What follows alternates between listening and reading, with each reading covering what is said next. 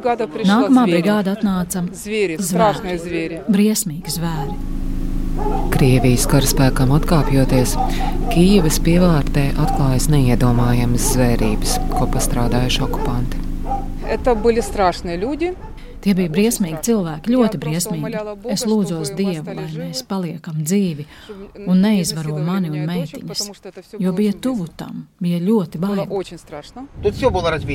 Te viss bija sagrauts, te līķi stāvēja uz ceļiem. Šajā mājā gandrīz 30 līķi gulēja. Mūsu miermīlīgie iedzīvotāji, kuri bija uzspridzināti. Krievijas armijas slepkavo, izvaro un laupa bet Ukrāņi nepadodas. Neviens nekad negaidīja, ka mūsu nācija var būt tik saliedēta. Un šī trakā vēlme pēc mūsu uzvaras un patriotisms, tas dara brīnums. Mani sauc Indra Sprānce. Kopš 24. februāra Ukrainā esmu pavadījis trīs nedēļas, un par pieredzēto Kīivas pievārtē un citviet Latvijas radio podkāstam dokumentārijas esmu izveidojis stāstu Karš Ukrainā.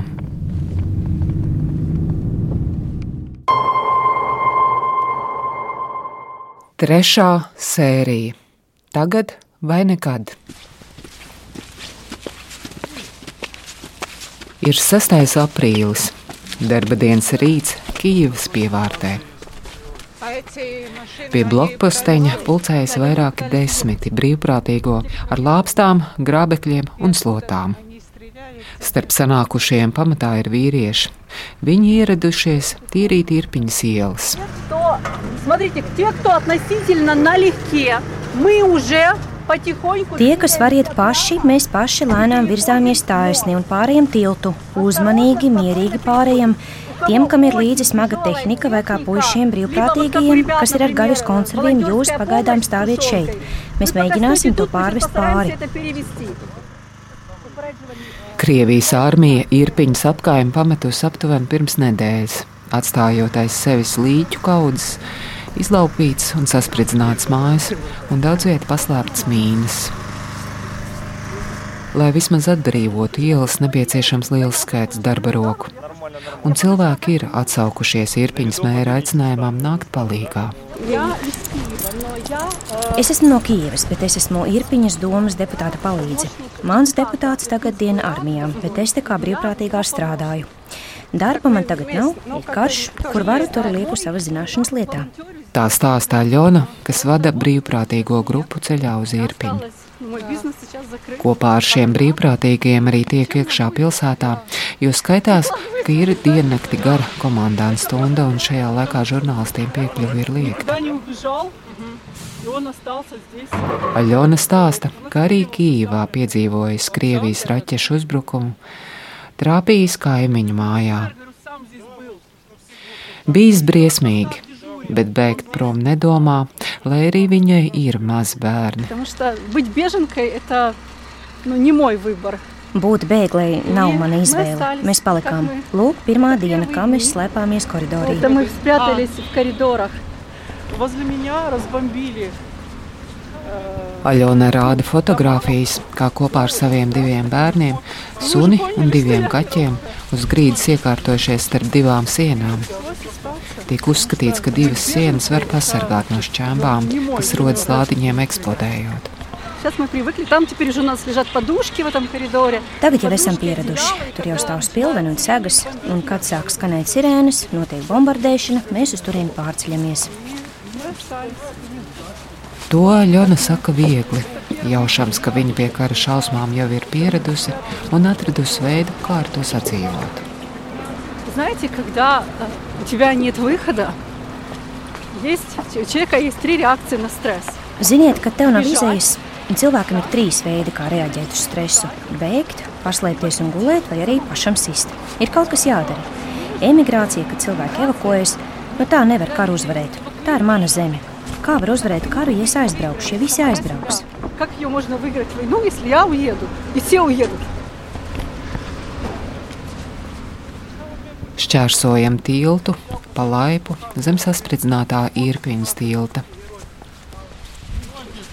Blakus upītē iegāzusies automašīna, bet uz tilta cauršauta un izdeguša automašīnu kapsēta. Ar šīm automašīnām cilvēki mēģināja bēgt no Irpiņas. Lūk, Dimu šeit uz tiltu uzspridzināja.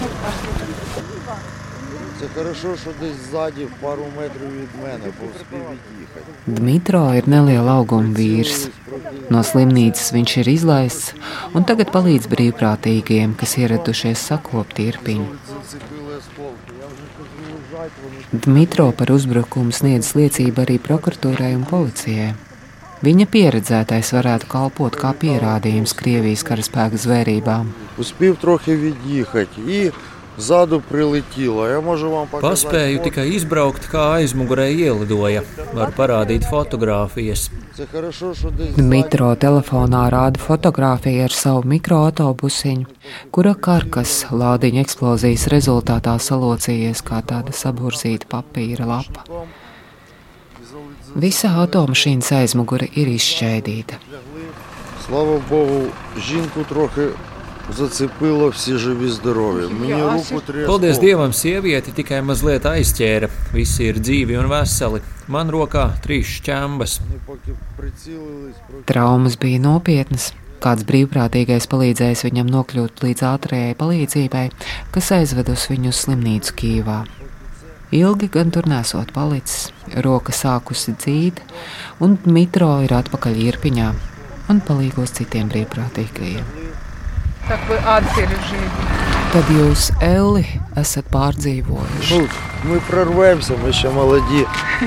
Nu, mēs tikām cauri, mēs taču jauni esam.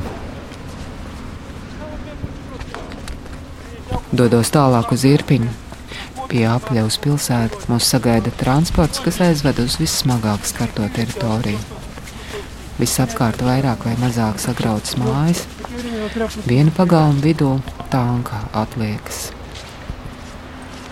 Teritoriālās aizsardzības vienības vīri lūdz ievērot īpašu piesardzību. Смотрите, убедительная просьба никуда не, на, не на Liels lūgums nekur nekāpt virsū, iet tikai pa ielu, skatīties zem kājām un eh, nekāpt nekur zaļajā zonā, jo var būt mīnēts. Вот туда, там где это, тоже не наступай. Вот там не надо. Туда не надо. Сказали. Mīnu arī patiešām ieraugu. Она Zaļa, полная apaļa, или- ar metāla krāsas vidu.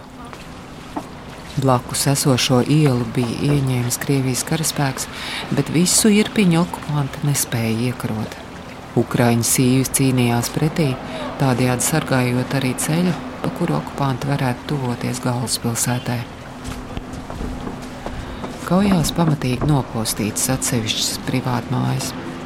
Pie kādas divstāvu ēkas uz ielas joprojām stāv asiņaina sega, Tur ilgāku laiku gulējis kāda nošauta vīrieša līķis. Vīra pase joprojām mētājas uz ceļa. Oleks viņu sauca. Вся часть, тут, тут по ту улицу, по которой мы проехали, вся часть была под оккупантом. Pa to ielu, pa kuru atbraucāt, visa tā daļa bija okupantu pakļautībā. Visa šī daļa nebija Ukraiņas kontrolē. Lūk, te ir Krievu pasaule. To sauc Krievu pasauli. Вот это называется русский мир.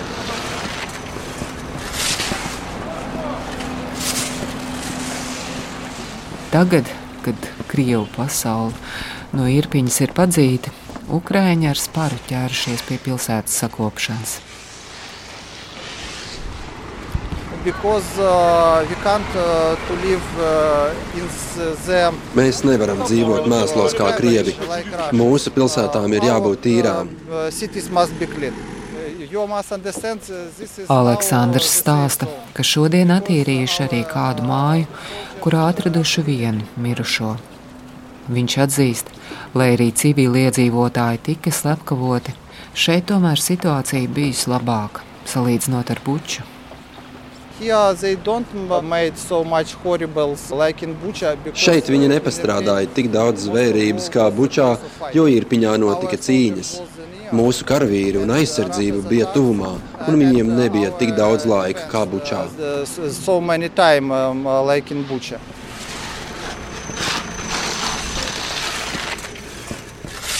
un ar sakopšanu Ukraiņiem veicas labi. Pāris dienās visas centrālās ielas ir iztīrītas, automašīnu vraki aizvākt uz attālākiem nostūriem, kur tie veido metāla kalnus. Burtiski pāris dienās sagrautā tilta vietā tapis arī pagaidu tilts, kas nozīmē, ka uz īrpiņu, buču, hostumeļu un borodjanku jau var aizbraukt diezgan ātri.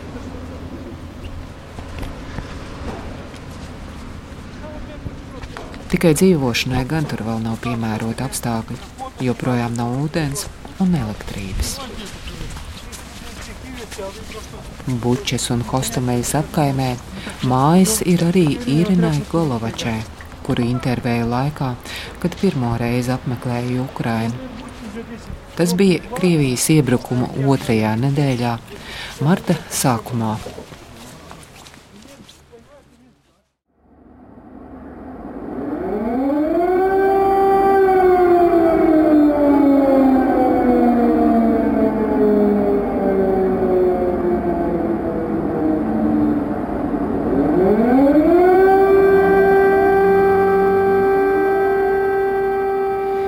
Dzestars Marta rīts, kara otrā nedēļa.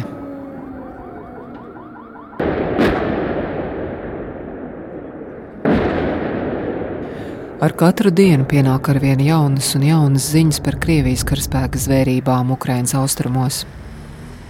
Bet rietumos, Lūdskas pilsētā, palikušie iedzīvotāji gatavojas okupantu iebrukumam. Vietējie papildina tā dēvēto molotovu kokteļu, jeb pašdarinātu degmaisījumu krājumus. Ar smilšu maisiem nostiprina administratīvo ēku ieejas un logus, labiekārto pagrabus, kur slēpties gaisa uzlidojuma gadījumā, un ierīko arvien jaunus un jaunus nocietinājumus uz ceļiem.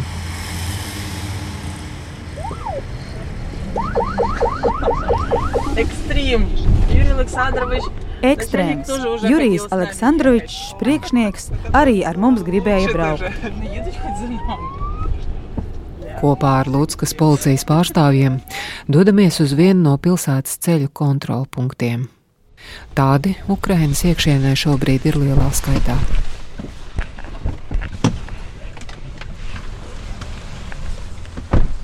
Kontrolpunktā pulcējas bariņš vīru, Daži pārbauda iebraucošās automašīnas, citi vienkārši sildās pie ceļmalā novietotas muces. Tajā deg malka. Vai esat no Latvijas? Esmu no Lūtskas. Pie manis pienācis liela auguma, angliski runājošs vīrs ar automātu plecā. Man ir 37 gadi, esmu Ukraiņas pilsonis. Biju miermīlīgs cilvēks, tagad atgriezos mājās. Mani sauc Aleksandrs Kleho. Miera laikos Aleksandrs strādājis kādā starptautiskā kompānijā ar biznesu Polijā, bet Krievijas iebrukums mudinājis atgriezties dzimtenē. Es devos uz Poliju 16. februārī. Pēc manas pilsētas bombardēšanas es nolēmu atgriezties kopā ar sievu. Mēs atgriezāmies pirms divām dienām. Es nopirku sev personisko ieroci. Aleksandrs izrāda savu iegādāto automātu un tā uzlabojumus. Viņš uzskaita tehniskos rādītājus, taču tie man neko neizsaka. Aleksandrs vispārīgi kopsavilka, Tankus ar to nevarētu iznīcināt, bet okupantus gan iespējams. Es varu palīdzēt mūsu puikām. Pirms darbošanās privātajā biznesā vīrietis bijis arī pasniedzējs augstskolā. Šeit, kontrolpunktā uz ceļa, darbojas viņa students. No kara Aleksandrs nebaidoties. I was carried there in Poland, to be honest. Man bija bailes tur, Polijā, teikšu godīgi. Bailes par savu ģimeni, bailes par maniem puišiem, tāpēc izlēmu atgriezties. Jo bailes tur nav tādas pašas kā bailes šeit. Jau esot uz robežas, es iekšēji jutos labāk, jo es atgriezos mājās.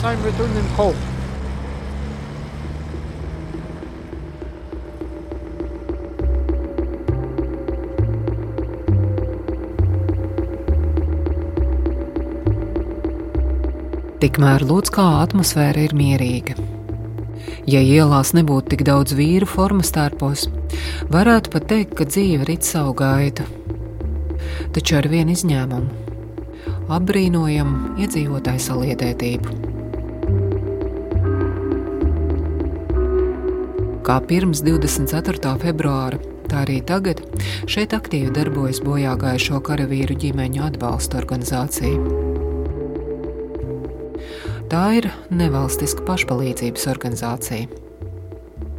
Ar tās atbalstu no Ukrainas tiek izvesti Luhanskā un Doņetskā bojā gājušo karavīru ģimenes locekļi, lai nepakļautu viņus papildus riskiem, kāda varētu būt ienākot Krievu karaspēkam, tātad karaspēkam, pret kuriem faktiski viņu vīri cīnījušies un krituši. Starp šīm ģimenēm ir arī Irīnas Golovačas saime, kas evakuēta no Bučas apkaimes. Tā ir vieta Kijivas pievārtē, kur apkaimē jau otro mēnesi notiek sīvas kaujas. Izrādījās, ka es vispār bez mantām atbraucu. Bērni sev salika, bet manas mantas aizmirsa. Nē, nē, man viss normāli. Es izējot nejauši kopā ar sagu paķēru divas jakas, un man ir vismaz ko nomainīt. Ar Irīnu tiekamies nelielas Luckas viesnīcas kafejnīcā. Tā ir neliela telpa ar bufeti un iespēju pasūtīt silto ēdienu. Irīna gan pusdienot atsakās. Pasūtām kafijas, kas divu stundu laikā tā arī netiek izdzertas. Man ēst, ne gulēt gribas. Pirmās dienas negulējām, jo visu laiku ieklausījāmies, vai kaut kur neskan bumbas. Un tagad nevaram gulēt, jo ir klusums, jo gaidām visu laiku kaut ko, ka nedod Dievs atkal sāksies. Irina ir neliela auguma 40 gadniece, pēc izglītības mediķe. Irina ir mamma trīs pusauģiem, 18 un 15 gadus veciem dēliem un 16 gadīgai meitai. Irinas vīrs Maksims 2015. gada 20. martā gāja bojā kaujās pie Doņetskas. Maksims bija starp pēdējiem, kas pameta Doņetskas lidostu. Viņš bija pēdējās grupas komandieris. Irina stāsta, ka Bučas apkaimē dzīvo daudz ģimenes, kuru vīrieši jau kopš 2014. gada ir bijuši iesaistīti karā. Viņu zināšanas un iemaņas arī palīdzot noturēt Ukraiņu pozīcijas. Vaicāju, vai ir papildus riski bojā gājušo karavīru ģimenēm, kas nespēja aizbraukt. У меня были мысли, что да, что семьи героев могут пострадать еще и дополнительно. Man ir bijušas pārdomas, ka jā, varoņu ģimenes var ciest vēl papildus, ja nedod Dievs viņu uzzinās, ka tā ir ģimene cilvēkam, kas bijis iesaistīts karadarbībā un karojas pret viņiem. Bija kaut kādas tādas bailes, bet, godīgi sakot, tas nebija galvenais, kas piespieda doties prom. Man bailes bija par bērniem. Man pats svarīgākais - droši vien kā jau visām sievietēm, kas zaudējušas vīrus. Es vīram biju apsolījusi. Visu, ko mēs abi bijām ieplānojuši saviem bērniem, es visu to centīšos izdarīt maksimālā apmērā. Kā mēs bijām plānojuši audzināt viņus, kā izglītot, es izdarīšu visu iespējamo. Un bērniem teicu, mēs tētim apsolījām, ka būsim laimīgi. Tāpēc man pats svarīgākais bija izvest bērnus. Prom Irina brauc ar smagu sirdi. Tā ir mana māja, mana zeme. Es negribu, un šobrīd arī mana bail, ne tas, ka bailes, es negribu braukt prom, mani kaut kas šeit tur. Es nevaru to izskaidrot, bet. Я не могу это объяснить, но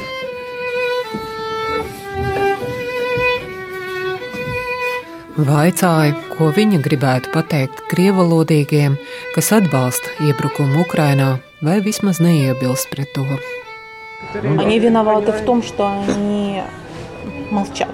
Viņi ir vainīgi tajā, ka viņi klusē, ka viņi baidās. Ziniet, agrāk man nebija kaut kāda naida pret Krievijas tautu kā tādu. Es sapratu, ka tās ir politiskas spēles.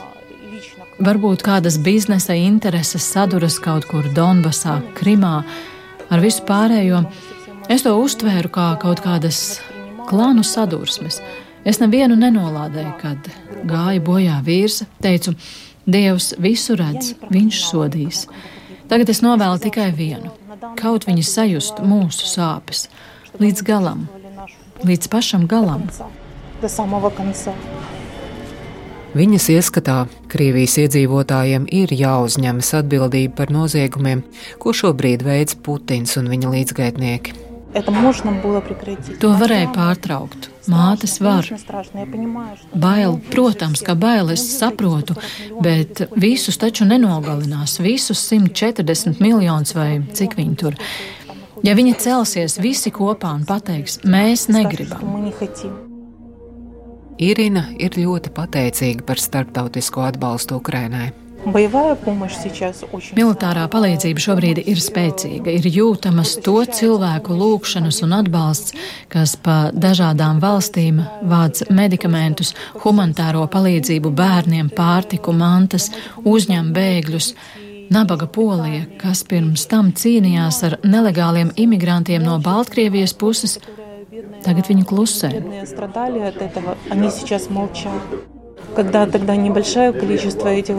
Kad bija neliels bēgļu skaits no Āzijas, viņa kliedza, Polija neizturēs, bet tagad viņi klusējot uzņem un palīdz Ukraiņiem nostāties uz kājām.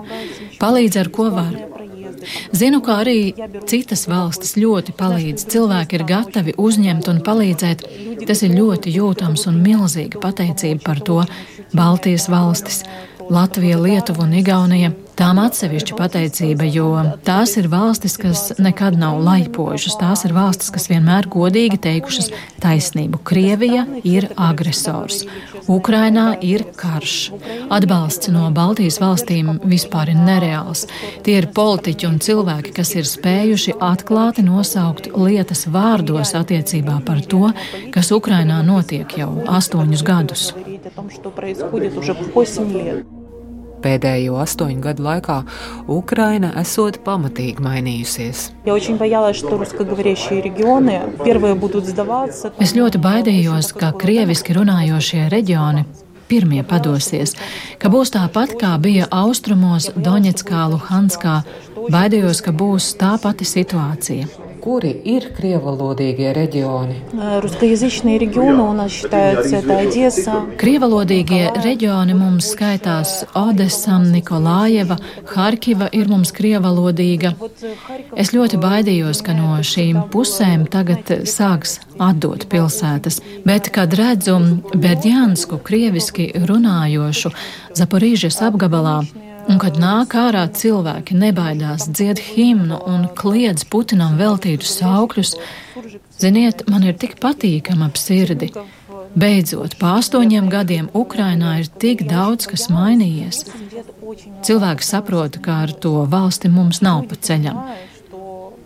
Lai kādi ir cilvēki, krieviski runājoši vai nekrieviski runājoši, Visi vēlas tikai vienu, lai Ukraina paliek par Ukrainu, neatkarīga ne no viena.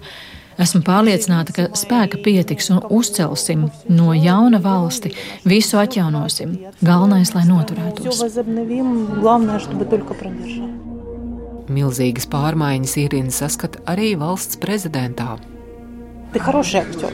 Но как хозяин страны, да, как управляющий... Tu esi labs aktieris, bet kā valsts vadītājs nepadevās. Godīgi sakot, es viņu kaut kā nepieņēmu kā prezidentu. Biju pārliecināta, ka pirmajās kara minūtēs viņš vairs te nebūs un ka viņš aizbrauks prom. Man tas ir šoks. Esmu lepna par to, ko viņš tagad dara. Tas ir tik pārdomāti, tik izsvērti vārdi.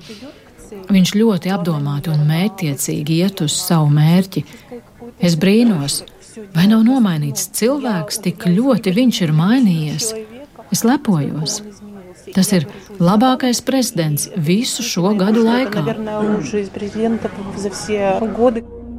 Bojā gājušo karavīru ģimeņa atbalsta organizācija ar draugiem Polijā tobrīd Irinas ģimenei meklēja kādu ātrās palīdzības automašīnu, lai viņus varētu pārvest pāri robežai. Irina bēgļu gaitās devusies kopā ar savu māmu, kas ir uz gultas guloša un nespēja ne staigāt, ne sēdēt.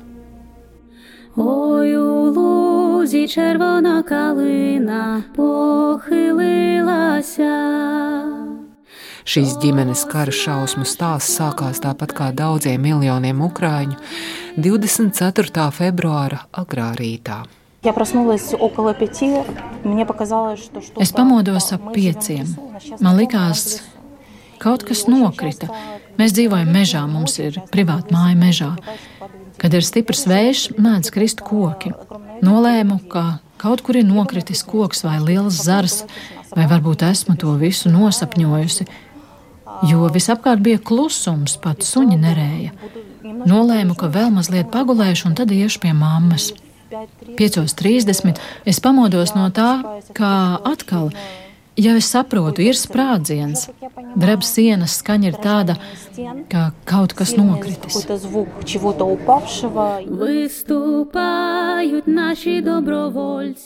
Kara pirmo dienu nosēdējuši pagrabā uz sagām uzlikuši Irīnas mammu un nonesuši arī viņu uz pagrabu. Страх, конечно, очень был сильный.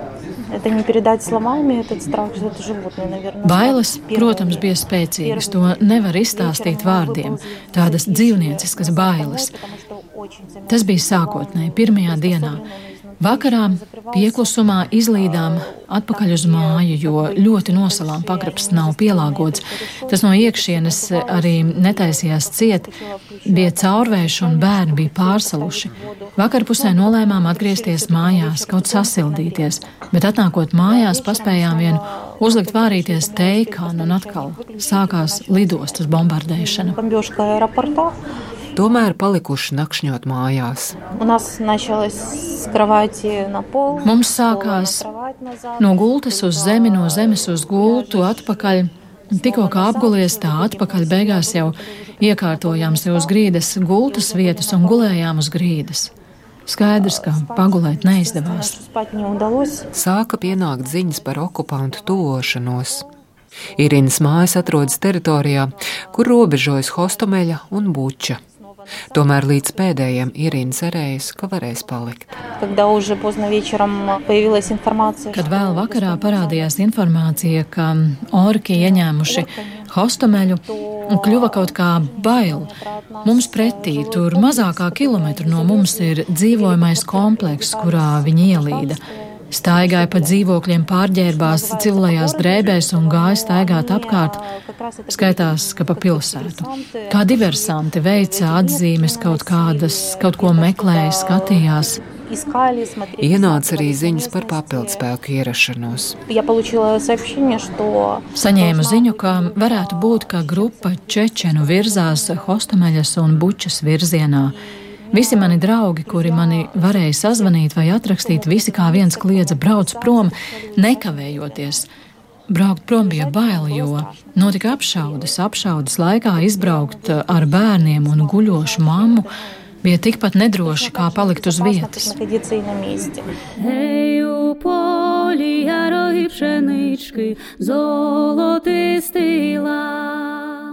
Tā bija jau trešā kara diena.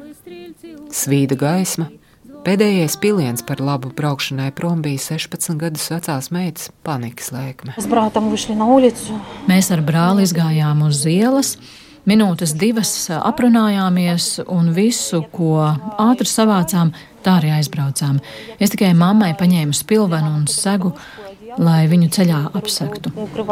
Pat ja būtu laika savākt mantas, tām arī nebūtu vietas.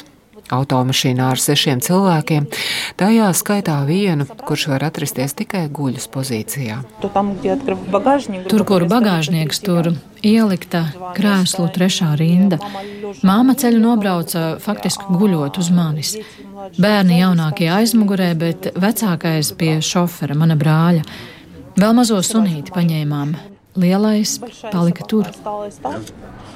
Pamest okupantu ielēgto teritoriju nesot bijis vienkārši. Uz to brīdi jau nebija vairs tiltu.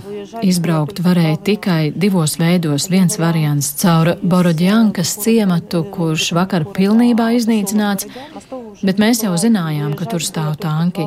Es jau par to zināju. Palika viens ceļš, un mēs riskējām. Pusstundu pēc tam, kad izbraucām un tikām līdz Žitomira šosejai, es atvēru čatu un redzu fotogrāfijas ar apšaudītām civiliedzīvotāju automašīnām, tur, kur mēs tikko izbraucām cauri. Irina izkļūšanu no šīs teritorijas dēvē par brīnumu. Man nebija histērijas, es neraudāju, es nepanikoju bet bija kaut kāds tāds punkts sasniegts. Sajūta, vai nu mēs tagad to darām, vai nekad. Izlauzušies un bēguši lielā ātrumā prom. Pie stūres esošais brālis bija tādā stadijā, ka pat telefona gaismiņas radījuši sajūtu par kārtējo gaisa uzbrukumu. Mans telefons bija nolikts uz kluso un signāla vietā gaismas atblāzma. Kāds ceļā zvanīja, un viņam likās, ka gaismas ir no kaut kā gaisā lidojoša. Žmiedza grīdā gāzes pedāli. Ceļā sazinājušies ar karā bojā gājušo ģimeņu atbalsta organizāciju un nonākuši līdz Lūtskai, kur viņi silti uzņemti. Ģimene pilnībā aprūpēta un tiek gatavota evakuācijai tālāk uz Poliju. Šī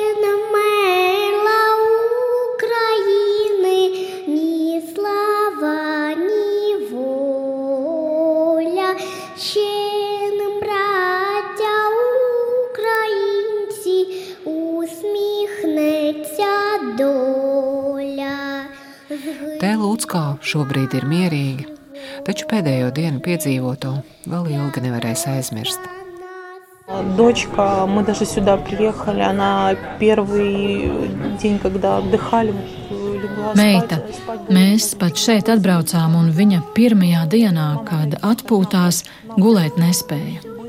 Pie jebkura trokšņa cēlās augšā, kliedza mammu, atkal bumbo uz grīdas, mammu uz grīdas. Vakar viņa pārstāja, bet viņa nespēja iziet uz ielas. Viņai sākās panikas lēkme, viņa nespēja pamest telpas, negribiet ārā, viņai bail. Es saprotu, ja brauksim tālāk uz Poliju, ir psihologi, kas runā ukrainiski, kas strādās. Mūsu bērniem tā ir kārtējā trauma. Irīnas jaunākais dēls Jēgors ir kluss, nosvērts pusaudzis. Turpat divas stundas ilgās intervijas laikā puisis pacietīgi sēž mammai pie kreisās rokas un nebilst ne vārda. Pēc skata Iegors mazliet līdzinās tēvam. Maksims bija liela auguma sportisks vīrietis, kompānija dvēsele, kā stāstīja Irina. Sestdien viņš taisījās braukt mājās atvaļinājumā. Beidzot, vajadzēja ierasties bataljona komandierim un viņš varēja braukt mājās. Mēs ļoti labi aprunājāmies. Todien es pamodos ļoti labā noskaņojumā. Man bija tāds pacelāts noskaņojums, arī darbā labi gāja, veiksmīgi noslēdzās projekts, kuru es vadīju, un tas zvans no bataljona ar jautājumu: Ir, kā jums iet? Vai jums viss labi? Es priecīgi, jā, man viss labi, paldies Dievam, Maksims dzīvs, vesels. Naktī runājām, bet viņš klausulē klusē. Никогда мы не будем братьями ни по родине, ни по матери. Духа нет у вас быть свободными, нам не стать с вами. mūžas modnīmi. Bataljona pārstāvis tomēr saņēmies un pateicis, kas ir noticis. Irina notikušo pieņēmusi tikai pēc tam, kad redzējusi vīra līķi. Uz bērniem ieradies liels skaits cilvēku. Es pat nevaru pateikt, cik daudz tur bija cilvēku, viņa draugu, Esmu ļoti pateicīga, jo ļoti daudzi draugi mūs joprojām atbalsta, palikuši pa īstam draugi. Kā Maksims viņus kādreiz atbalstīja, tā viņi tagad mūs turpina atbalstīt. вы жмете, вы все маетесь, свою завистью вы подавитесь. Воля слова вам незнакомое, вы все с детства